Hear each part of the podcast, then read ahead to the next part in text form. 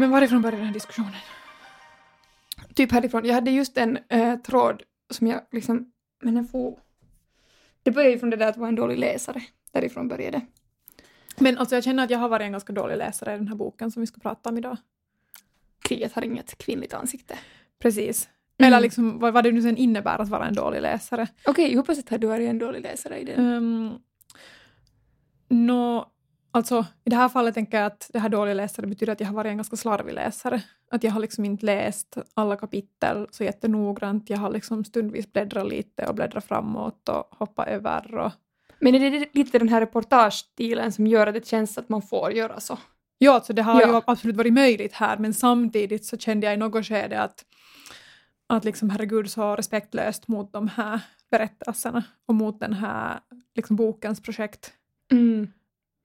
Jag förstår, ja men jag, har nog, jag förstår det där, jag har nog också, också gjort så emellanåt och liksom lite klippt och klistrat hur jag hade lä har läst. Och hela den här strukturen är ju lite som ett montage.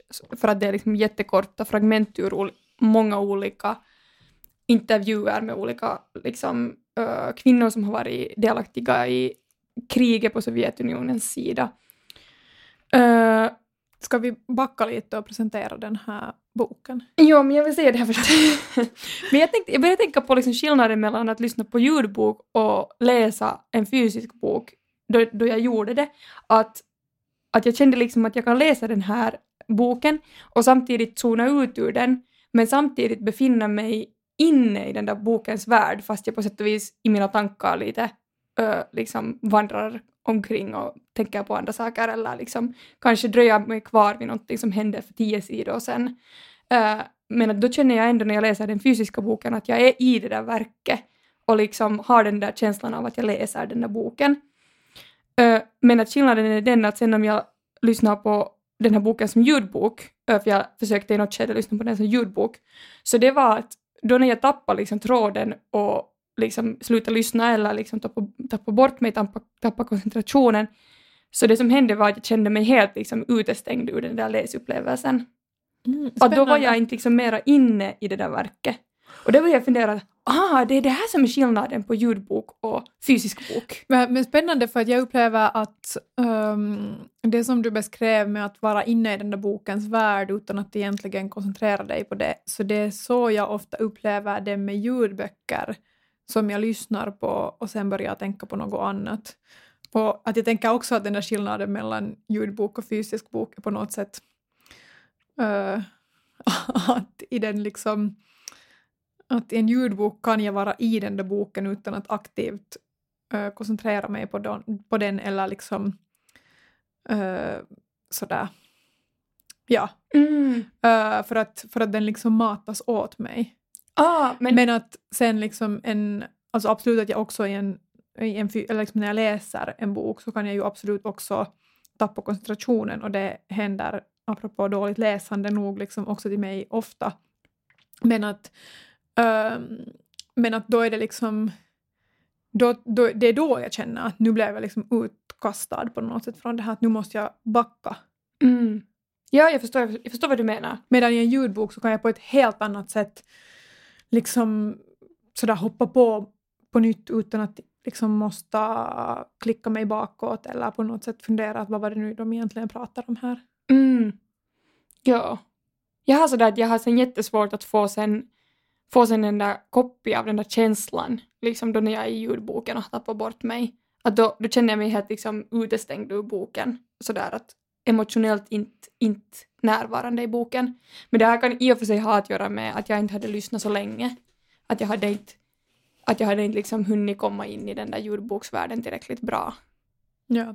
Jag hörde uh. annars ett samtal på Umeå lit, Littfest uh, via digitalt.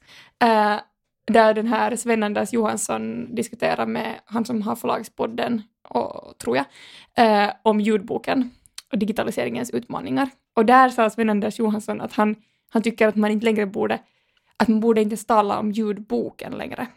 Och den här förlaget podden typen blev typ helt, helt jättetriggad av det.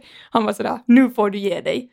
Men alltså Sven-Anders Johansson menar att, eh, att han på något sätt ja, det borde inte kallas ljudbok därför för att eh, för att de här formaten liksom börjar allt mer eh, flytta ihop, att det blir som att podcaster, ljudböcker och ljuddraman liksom allt mera kommer att liksom fusioneras in i varandra och då borde man inte mera tala om ljudboken. Mm, ja, det här får mig att tänka på den här Emilia Sjöholms Ja, Sjö, ja Virtahepot. Virtahevot. Ja. Hevot. Ja. Uh, som ju alltså för de som inte är insatta är i princip liksom en, ett verk som är skrivet för att vara en ljudbok. Och, då hade det, liksom, och det, det är alltså det är liksom tre och en halv timme dialog.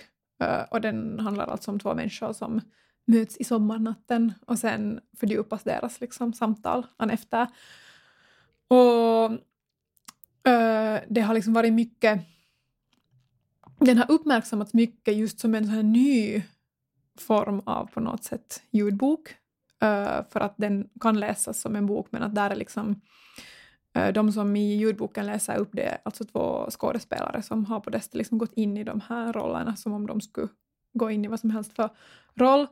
Eh, och, och jag liksom tyckte den var jättemysig att lyssna på den här boken och tyckte den liksom tyckte helt om den, att verkligen ingen kritik mot den men att däremot liksom att förhålla sig till det här formatet så tänker jag sådär att att den är nog inte en ljudbok nästan. Ja, eller, ja, eller mer sådär liksom att hej, att nu kan vi ju diskutera att okej, okay, den här befinner sig någonstans mellan ett liksom manus, en bok, en ljudbok eller ett hörspel eller liksom radioteater eller liksom vad man vill men att, att det här liksom att vi nu ska på något sätt lansera den här nya ljudboken så där kände jag att det liksom att det känns som på något sätt marknadens take på det här och inte så mycket liksom som en intressant diskussion om, om så gränsupplösning mellan olika uh, på det sättet media och genregränser.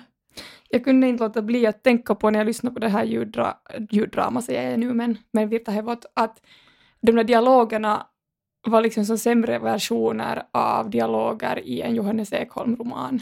Alltså jag kunde bara inte skaka av mig den känslan. Jag var sådär, eller liksom det var helt sådär på något sätt samma uttryckssätt, men de kanske är, är också för att det är liksom, jag tänker mig att det är samma sorts karaktärer i samma sorts miljöer och ålder som på något sätt skrivs, så då blir ju liksom språket lite liknande.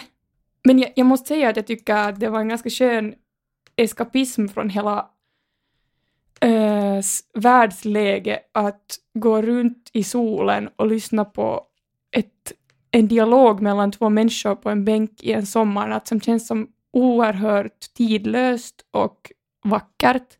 Och, och samtidigt så blev jag just jätteprovocerad av att, ja, att allt kändes just sådär lite, lite enkelt. Jag vet inte.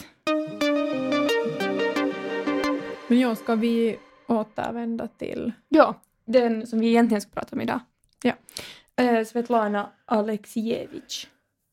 Kriget har inget kvinnligt ansikte, som är en del i Utopins röster. Kriget har inget kvinnligt ansikte är första delen. Just det.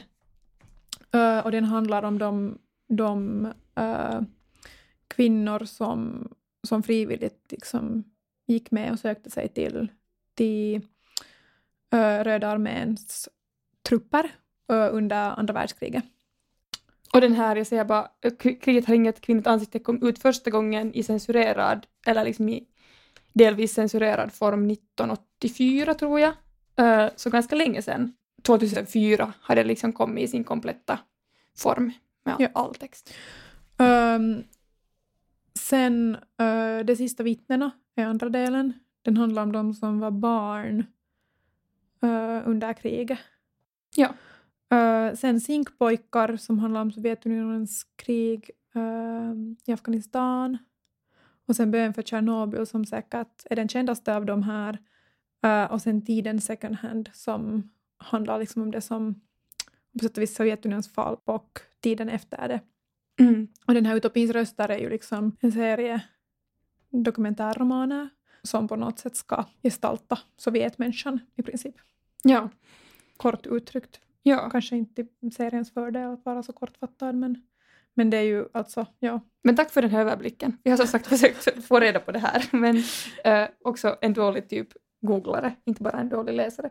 Men äh, jag tycker att det var alltså, intressant att den har liksom reportageform, men sen samtidigt så Ibland så kände jag att det finns någonting här som ändå är skönlitteratur. Men alltså den här stilen så, uh, jag läste en intervju med uh, den här författaren och den här stilen har hon blivit inspirerad av från uh, Ales Adamovic uh, som skrev så kallade kollektivromaner eller vittnesmålsromaner. Mm. Och det är därifrån som hon har varit sådär att, att det här uttryckssättet är det jag har liksom på något sätt letat efter. Uh, men jag skulle liksom, jag tyckte när du sa montage tidigare och jag skulle kanske liksom vilja säga istället för kollektivroman så liksom collage mm. roman för att den där liksom uh, de här liksom olika smådelarna som bygger den här helheten är nog på något sätt centralt också från, från liksom på något sätt ett narrativt perspektiv. Mm. Men uh, alltså... Och sen just i slutet av varje kapitel, sorry nu avbröt jag igen, men i slutet av varje kapitel eller sådär i början av varje kapitel där det kom sådana var hon drog lite sådana sammanfattande linjer eller liksom sa liksom lite mer sådär överblicks någonting. Så där tycker jag att där blev det liksom jätteskönlitterärt också. Jo, jo, alltså, det, jo, jo, alltså och, ja. och sen det är ju liksom inte rakt av transkriberade liksom ja. stycken, utan, eller liksom att det, det är det kanske, men att nog är ju liksom sättet man har så att säga klippt och klistrat ihop dem och vilka, uh, vilka liksom, det är också på sätt och vis indelat i olika liksom, tematiska stycken. Uh, och, och där liksom, absolut att det här, det här, liksom, här finns en, ett uh, skönlitterärt anspråk och en skönlitterär liksom, närvaro. Mm. Uh, men alltså, jag vet inte om man kan fråga så här, men vad, vad tyckte du? ja, alltså genast när jag började läsa den, uh, alltså jag fick liksom lust då när det blev krig eller när det blev liksom eskalerat där i Ukraina så fick jag liksom lust att läsa någonting ukrainsk litteratur vill jag liksom läsa och då ville jag egentligen läsa en bok som hette fältstudier i ukrainskt sex. Men den fanns inte tillgänglig på biblioteket, så jag har liksom köat på den. Men den här, sen kom jag ihåg att Ajo Alexievich har jag alltid velat läsa eller sen hon fick Nobelpriset och, och då, då liksom hittade jag den här Kriget har inget kvinnligt ansikte och så tänkte jag att, att jag läser så mycket hellre den här romanen äh, än nyhetsreportage just nu, att vad som just nu pågår. Att det känns liksom på något sätt det att den här boken har funnits en tid och liksom att den har, den har liksom tidens fördel i hur saker är framställt. Så det tyckte jag liksom om och då ville jag liksom uh, ja, då, då, tyckte jag jättemycket om att läsa den och, och den är ju liksom jättebrutal. Uh, men jag tänkte ibland på Agatha Kristoff också när jag läste. Jag tänkte också jättemycket faktiskt på på henne. Ja, och så där, det där råa, direkta och, och sen samtidigt, eller jag kände nog sådär att nu läser jag någonting jag aldrig har läst förut och att det, det gjorde ett jättestarkt intryck på mig. Ja. Vad tyckte ja, du? Ja, jag också sådär att liksom det är på något sätt svårt att, att säga något om den här boken och jag tänker att, att det här kanske är ett tema som jag vill prata lite mera om sen eller liksom fördjupa just det här att, att vad är den där metarösten med vilken också den här Alexievich själv liksom går in och kommenterar saker ibland. Att, att liksom uh, att det är svårt att på något sätt uh, de här vittnesmålen och minnena som, som här återges så är på något sätt är sådana som det är liksom svårt att veta hur man ska bemöta antagligen för att det inte liksom riktigt ens kanske finns något rätt sätt att göra det på. Um, men att jag, jag tänkte liksom nog att den på något sätt balanserar och bär liksom samtidigt på något helt så här jätteomänskligt och samtidigt helt jättemänskligt. Eller liksom att det, det är sådär hela tiden en, inte vet jag ens dragkamp mellan dem, utan mer sådär uh, eh, ett bevis på hur de här två sakerna kan liksom existera simultant uh, på något sätt i en och samma människa eller i liksom i en och samma situation. Mm. Uh, och sen, sen tänkte jag att inte jag liksom, att kanske på något sätt liksom att den här handlar ju också om krig och att kanske det är på något sätt någonting som kriget alltid liksom för fram. Det på något sätt mest omänskliga och samtidigt genom det liksom på något sätt mänsklighetens mm. råaste kärna. Mm. Uh, och här finns liksom Mm, jag vet inte om det var i den här intervjun jag läste uh, eller om det faktiskt kommer liksom i den här, för den här upplagan som vi har läst inleds alltså med uh, någonting som kanske liknar ett förord, men Alexievich liksom egna dagboksanteckningar under skrivande. Uh, ehm, och jag vet inte om, om hon kanske där också lånar Dostojevskijs citat ”Hur mycket mänsklighet finns det i en människa och hur ska man kunna försvara den mänskligheten man har i sig?” Som på något sätt en så här kärnfråga som går genom, genom den här boken. Mm. Ja. Men, men det där... Ja, ordet hat återkommer ju jätteofta också i den här boken. Kanske liksom det är någonting jag tänker att... Ja, alltså de här... Jag tyckte liksom att den här var en ganska tungläst bok. Det är också den, en orsak till varför jag upplever att jag har läst den kanske lite slarvigt. Uh, och jag har också jag har också haft så mycket att läsa nu att jag har måste liksom dela in min läsning så att jag läser vissa saker på morgonen och vissa saker på kvällen. Uh, och det här blev då alltså en bok som jag läste på morgonen för att jag tänkte att jag vill inte somna till att läsa det här. Uh, men det här betydde då alltså att, att jag läste, alltså först läste jag nyheterna eller sen läste jag först den här boken och sen liksom att det blev på något sätt Uh, att de, det hände sen parallellt att jag läste liksom vad som hade typ hänt under natten uh, och att jag sen läste den här boken. Och sen många av de här enstaka liksom berättelserna och styckena i den här boken är också uppbyggda liksom så att, att det börjar från att den här som berättar liksom, um, att kriget börjar och sen slutar det liksom ofta med att kriget tar slut. Uh, så att det blev en sån ändlös rörelse av att det liksom började på nytt hela tiden, vilket mm. på något sätt mm. var liksom nästan ännu tyngre än det att, uh, att den här liksom segern skulle ha på något sätt kommit sen först i liksom de sista styckena. Mm. Um, men jag liksom, det som jag sen njöt jättemycket av att läsa var de här Alexievich egna kommentarer. Mm. Och sen samtidigt tänkte jag att, liksom att jag alltså den här liksom dagboksdelen här i början, så den läste jag liksom om nu faktiskt idag tidigare på dagen. Uh, och den är liksom sån att jag ville liksom stryka under så där hälften av meningarna och liksom den är jättekärnfull på något sätt och också sådär jag vill motsätta mig ibland henne, jag vill vara sådär att nej, nej, nej, att sån här bok är det här ju liksom inte alls att, att vet du själv vad du har skrivit ungefär liksom. Uh, men att, att jag på något sätt lite så saknar kanske den rösten att den skulle liksom ännu mer ha varit närvarande mm, ja. uh, i de där liksom under själva på något sätt man brödtexten av den här boken. Men samtidigt så tänker jag just sådär att, att skulle den ens ha kunnat vara där? Att det liksom, är det på något sätt helt, att kan man på något sätt analysera eller intellektualisera eller vara någon sån där liksom överröst som förklarar vad de här erfarenheterna är och hur de ska förstås. Eller liksom att...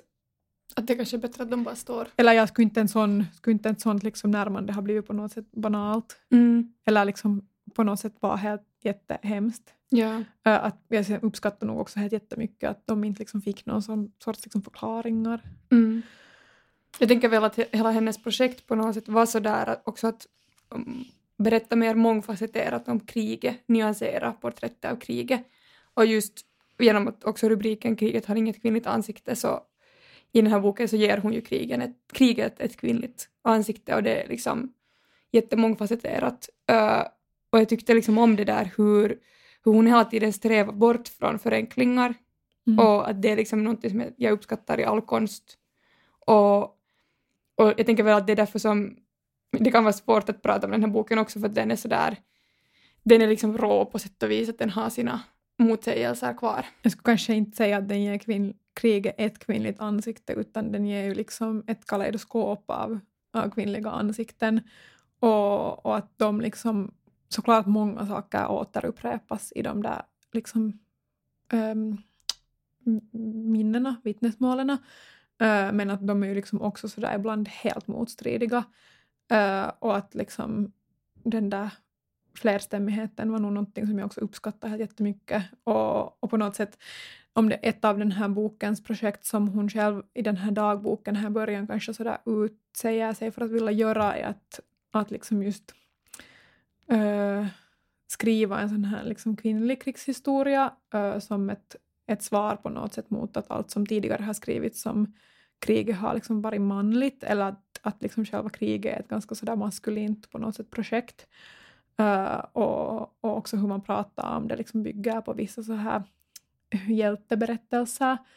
Uh, men att liksom kanske viktigt att på något sätt påpe påpeka att den här kvinnliga krigshistorien inte heller är liksom enkel, riktig eller att den ska inte heller general general generaliseras som att på något sätt att kvinnor la mera märke till liksom, jag vet inte, liksom känslor eller de hämtar några mjuka värderingar till kriget för att jag tänker liksom inte att de nödvändigtvis liksom gjorde. Eller jag tänker att många av de kvinnorna är ju också sådär helt, helt liksom otroligt, jag vet inte. Hårdbarkade. Ja, sådär liksom hämndlystna och på något sätt råa och hatiska. Um, Såklart det finns vissa sen vittnesmål som är det där på något sätt mjuka värderingarna, men det är just den där kaleidoskopen. Precis, men att, liksom, att jag tänker att, att hon pratar liksom här också, för den här blev alltså då från början censurerad, som vi redan var inne på. Uh, men här liksom, i den här versionen som vi har läst så finns det liksom också så utdrag från den här samtalen med den här eh, uh, censoren. Hon säger att hon inte är intresserad av de här stora idéerna utan den lilla människan och att hon är liksom inte intresserad av att skriva om kriget utan hon är intresserad av att skriva om liksom människan som hamnar i krig. Uh, och det tänker jag sådär att på något sätt beskriver det ganska bra. Mm.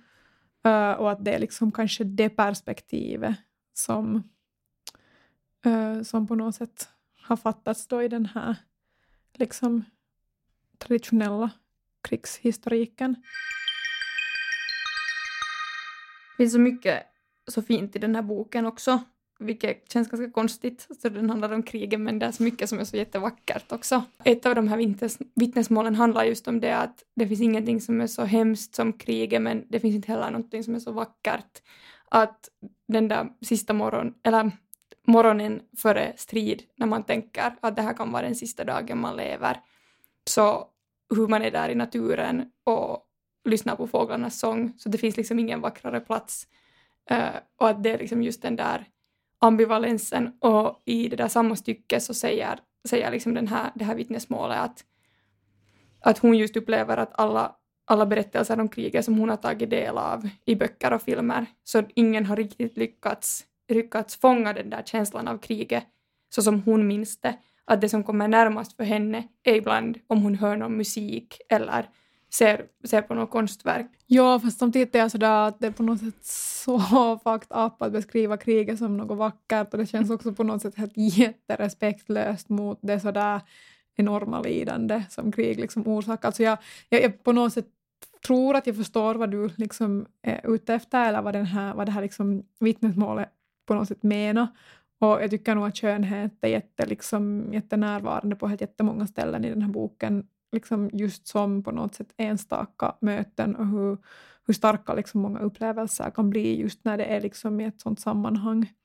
Men, men att liksom ändå att det på något sätt uh, jag skulle också lite vilja kritisera på något sätt ett sånt um, ett sånt sätt att prata som, som vill göra kriget till något liksom vackert eller ja, något hero, heroiskt eller liksom något, något sånt. Men men lite liksom anknytning till det här så, så var någonting som också tycker jag liksom kom fram här och som var på något sätt en koppling som jag inte hade liksom kanske egentligen tänkt så här tydligt.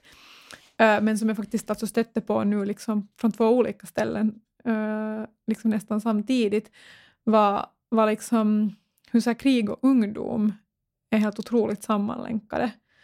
Eh, och, och liksom det finns ett, ett citat i den här dagboken här i början som, uh, som säger att, att den började det inte kriga utan ungdomen man minns. Och, och att nästan alla de här vittnesmålen börjar också med liksom på något sätt ungdomen. För att det där kriget blev ju de här människornas ungdom. Ungefär typ samtidigt som, som kriget i Ukraina bröt ut så läste jag alltså Vilhelm Mobergs Utvandrarsvit. Uh, och där finns i, tror jag, Nybyggarna eh, ett ställe där den här Karl Oskar vill gå med i det amerikanska inbördeskriget. Uh, och, och då blir han avvisad, han får inte liksom gå med i armén för att han, han haltar. Och det är liksom en gammal skada i hans ben. Uh, och då konstaterar han att, att det är på något sätt paradoxalt att armén först vill ha de som är yngsta och mest lämpade till att leva. Uh, att de först av allt vill ha dem att dö i kriget. Att borde man på något sätt inte börja i den ändan? Liksom. Borde man inte spara de som är mest sådär lämpade för livet? Mm. Uh, men att jag har liksom aldrig kanske sådär Liksom, ja, klart det finns så här de, den förlorade generationen och vet du, Hemingway och hans kompisar i Paris som var bara på något sätt förstörda för att deras generation eller liksom uh, deras generation på något sätt miste sin ungdom till första världskriget och, och liksom klart det finns något så här på västfronten inte ett nytt liksom så här klart det är, finns som ett tema men jag har liksom aldrig kanske jag kanske aldrig liksom tänkt på det lika tydligt som det formulerades här. Ja. jag tänker ja. att han, han la liksom, är den där skönheten i kriget på något sätt kopplat till den där ungdomen som är i kriget. Mm. Just det. Och ganska många av de här kvinnorna, de är ju liksom frivilliga, så de, de har, alltså jag vet inte om jag helt, jag tänker att jag kanske har missat liksom något överlag nu liksom. Jag har tänkt på det nu också sådär innan jag har följt med uh, liksom nyhetsrapporteringen, att jag har liksom um, att jag har missat något, för jag fattar inte här på något sätt nationalistiska projektet som och den liksom strävan som ligger på något sätt som en grund ändå för de flesta krigen. Att jag, jag bara liksom förstår inte varför det är en orsak att gå i... Att liksom, mm. Jag förstår inte helt det där att man ska kämpa för sitt foster. Liksom, vad är det ens? Ja. Uh, eller liksom, men att de här kvinnorna uh, vill, vill ju helt alltså otroligt desperat till fronten. Och de vill inte göra något liksom mjäkigt sjukskötarjobb utan de vill liksom vara prickskyttar. Uh, och att där finns också någon sån där jätteung, liksom, no, kanske naivitet, men också liksom någon sån här otroligt liksom ungdomlig kraft i den strävan. Mm. Ja. Ja. Ja, ungdom och krig. Jag tänkte på när min lillebror som är född 1998 så han och jag pratade om att han alltså gått, gjort värnplikten som de flesta i Sibbo. Uh, flesta unga männen i Sibbo.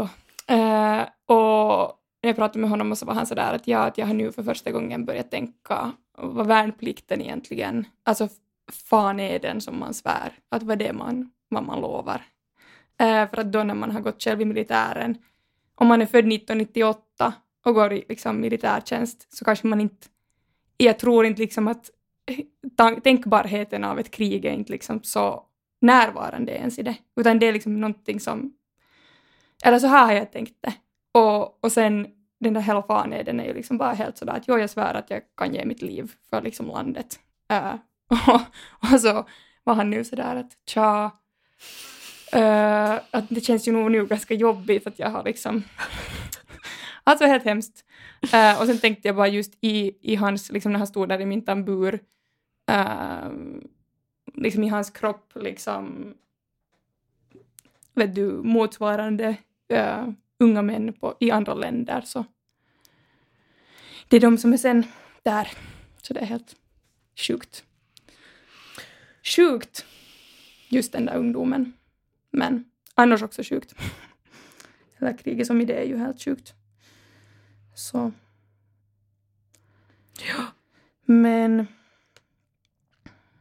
det är på något sätt intressant också att läsa den här boken och sen samtidigt tänka på, till exempel mot slutet av boken så nämner de den här segerdagen 9 maj och det är ju liksom Putins favorithögtidsdag.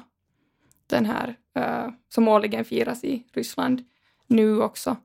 Uh, så den här nationalistiska grejen som du pratar om så finns ju liksom på något sätt att se den, att se den ur den här romanens synvinkel och sen se den ur nyhetsrapporteringens synvinkel är bara på något sätt helt, helt otrolig och sen typ att jag läste Anders Mård, eh, Mårds kolumn på FRLGT där han, han, han bor alltså i Sankt Petersburg, så där han skrev hur liksom läget är nu.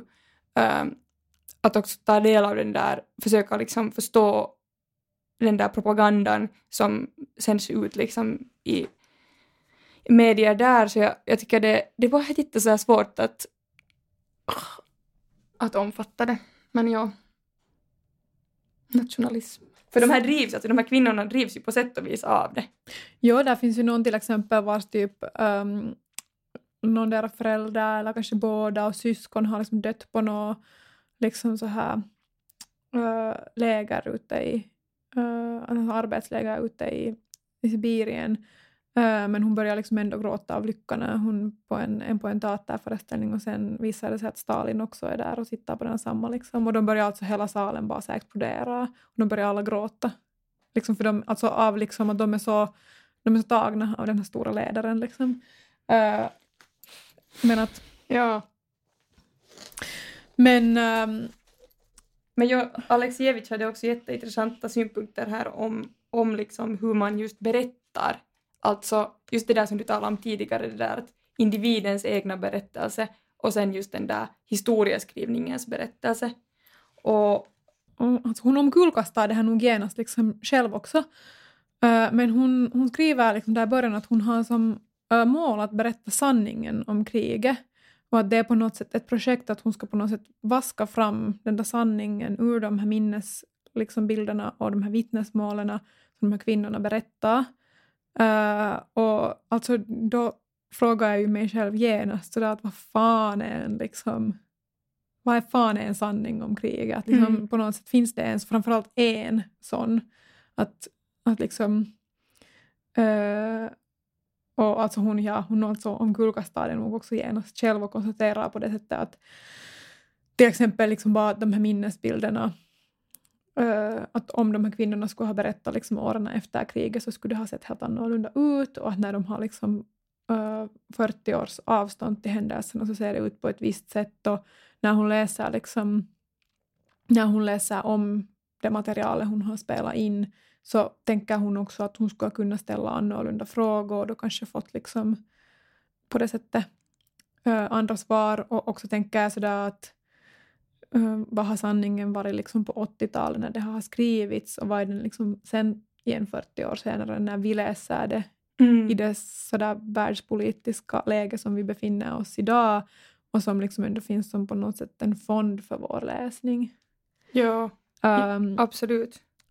Alltså också det som hon skrev om i något skede att um, hur, hon, hur hon ville liksom ha de här berättelserna som man berättar det åt en syster eller åt en vän och den där liksom jättepersonliga, intima berättelsen och att hon märkte liksom att om någon annan var i rummet så då påverkades det jättemycket. Och jag tycker att det är också ganska rörande hur det ibland hon har tagit med sådana här bitar där det är sådär att ja, min man, min man sa undervisa mig här innan att allt det här ska jag berätta och här och här är det här pappret var allt står, hur, hur händelserna gick, ett, två, tre, och sen, men egentligen så, men, men titta på den här klänningen som jag sydde då, att jag har den här i mitt skåp, och så, och, och liksom, nåja, det här var nu en förenkling av allt, men liksom, att det var hemskt fint tycker jag, också i allt det här hur man såg, eller jag tänkte också ofta på hur man, hur man kände liksom Alexievich närvaro i det att de har allt, allt det här som är berättat är berättat åt henne. Uh, och hur hon ibland liksom trädde fram genom texten när den där som gav vittnesmål till exempel var sådär varför skrattar du, sluta skratta uh, eller något liknande. Och, och just sådär i sådana små, små grejer som, som ja, jag ja. tycker det var fint. I början när jag läste kom jag ihåg att jag blev jätteberörd av djuren, dofterna och färgerna. Ja, det är ju nog sådär... Uh, alltså, på något sätt djur i krig är... Jag vet inte liksom varför. Det, det liksom får mig att på något sätt mm, vilja gråta nästan på ett annat sätt än liksom oskyldiga soldater eller civila i kriget, för djuren är på något sätt på riktigt så oskyldiga till liksom människans sådär helt galna projekt. Mm. Um, det, det är inte ett liksom kanske jätteframträdande tema här, men ändå ett tema som kommer fram kanske mera än i de flesta krigsberättelser. Uh, men alltså, jag har en helt otrolig uh, anekdot No. om djur i kriget. No. Jag- Alltså, det kan hända att jag har berättat den till dig. No. Men alltså, den här får mig på riktigt alltid att sådär vilja gråta. Mm. Men alltså den är fin. Uh, min sambos mormor har berättat det här. Uh, att när hon var barn, hon är född på 30-talet, 31. Uh, hon fyller 91 idag. Oj. Oj. Uh, jag vet. Uh, och alltså hon är som en, alltså, vet du, som gamla kvinnor kan bli som sagofigurer. ja, fulla av rynkor. Ja, och som att de skulle träda fram rakt från liksom, jag vet inte. Mm. Men i varje fall, så när hon var barn under andra världskriget så hade de en häst på deras gård. De hade en bondgård. Och den här hästen blev alltså inkallad till kriget. Man samlar liksom upp hästar. Eh, och, och då måste liksom de ge sin häst till, till kriget. Eh, och det är ju inte i ett sånt skede så, så tror man ju liksom nog att dit for den hästen. Mm. Men sen efter kriget så fick de ett meddelande att hej, att, att er häst har överlevt och att nu kan ni komma efter den från det här och det här, eh, det här, och det här stället. Eh, och då kommer jag inte ihåg att liksom var det då eh, den här mormons då pappa eller storebror eller liksom någon som åkte då ut för att hämta den där hästen och kom då till en sån här stor hall var det fanns en massa hästar som hade alla varit i kriget. Och, och sen när han stod och pratade med någon människa där liksom, i dörren antagligen liksom förde fram sitt ärende och var sådär jag kommer efter den här den här hästen så har alltså en häst gnäggat från andra änden av, av Mm. hallen och det har varit den där liksom deras häst som har känt igen sin ägares röst efter liksom alla år i kriget. Och sen Mitt har, hjärta brister. sen har den här hästen fått komma tillbaka äh, liksom hem efter kriget. Åh, Jag vet. vitsi vad fint. Men alltså på riktigt, liksom... det Alltså, där låter ganska osannolikt. Alltså hur är det ens möjligt att Men en hästar- häst men alltså hästar... överlever? Eller sådär. No, ja, alltså, no, Ja. alltså, om man läser den här Kriget har inget kvinnligt ansikte så är det ju helt sjukt att alla de som berättar Jag någonting det där också. har överlevt. Liksom. Jag tänkte samma. Um, men, Ja. men jag alltså... Nog, som tur överlevde Ja. ju något. tur också. Ja. Men hästar har alltså också deras alltså minne. Uh, de kan minnas en människa i tio år utan Ja. att träffa den en enda gång. Jag, jag, jag, det känns som att jag har hört det här. Men ja, alltså... Wow. Jag började tänka just på det där att hur kunde de här människorna också överleva i kriget för deras historier är så sjuka eh, i den här kriget har inget kvinnligt ansikte. Och det var just någon som sa sådär att hon tre gånger så blev hon liksom att hon att någon annan soldat liksom kom framför henne att hon gömde sig bakom den där soldaten och den där för att den där andra liksom var framför henne så överlevde hon. Och det hände liksom tre gånger. Jo, Och sen var det att hur kunde... Men där fanns också någon sån här liksom att, att de här, ett projekt i den här boken är ju också att de här kvinnorna på sätt vis ska få någon form av upprättelse för deras insatser.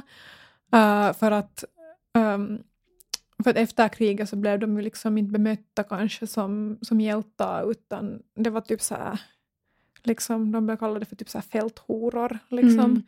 Eh, och, och på något sätt också jätte skambelagda på något sätt för att ha gjort så manliga sysslor när de borde ha varit på något sätt. Ja, typ att de lämnar sina barn för att få ut i kriget och sådär. Tänk vad omoderligt att du gjorde så. Precis.